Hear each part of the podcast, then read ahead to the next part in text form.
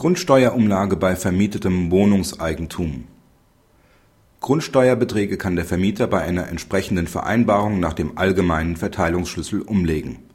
Bei vermietetem Wohnungseigentum kann unmittelbar der die Wohnung betreffende Betrag angesetzt werden. In einer erst jetzt bekannt gewordenen Entscheidung rechnete der Vermieter eines Wohnungseigentums vereinbarungsgemäß die Betriebskosten mit dem Mieter ab. Dabei setzt er die Grundsteuer ohne Angabe eines Verteilungsschlüssels an der Mieter wendet ein, dass eine direkte Umlage nicht vereinbart sei. In der Abrechnung fehlt nach seiner Auffassung zum einen der Gesamtbetrag der Grundsteuer für alle Wohnungen und zum anderen die sich daran anschließende Aufteilung.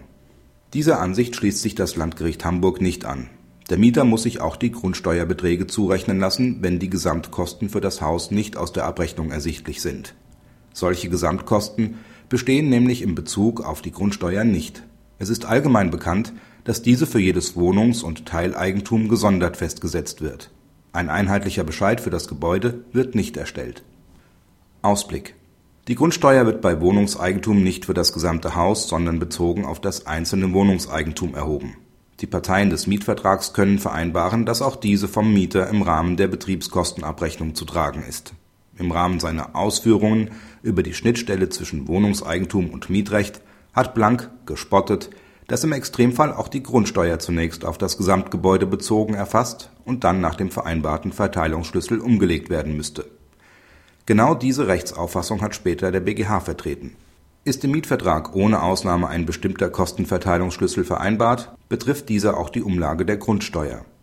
Von einem vereinbarten Verteilungsmaßstab dürfe der Vermieter nicht nach 315 und 316 BGB abweichen die Entscheidung des BGH führt dazu, dass bei der Vermietung von Wohnungseigentum für die Umlage der Grundsteuer die Einzelzuweisung als gesonderter Verteilungsschlüssel vereinbart werden muss.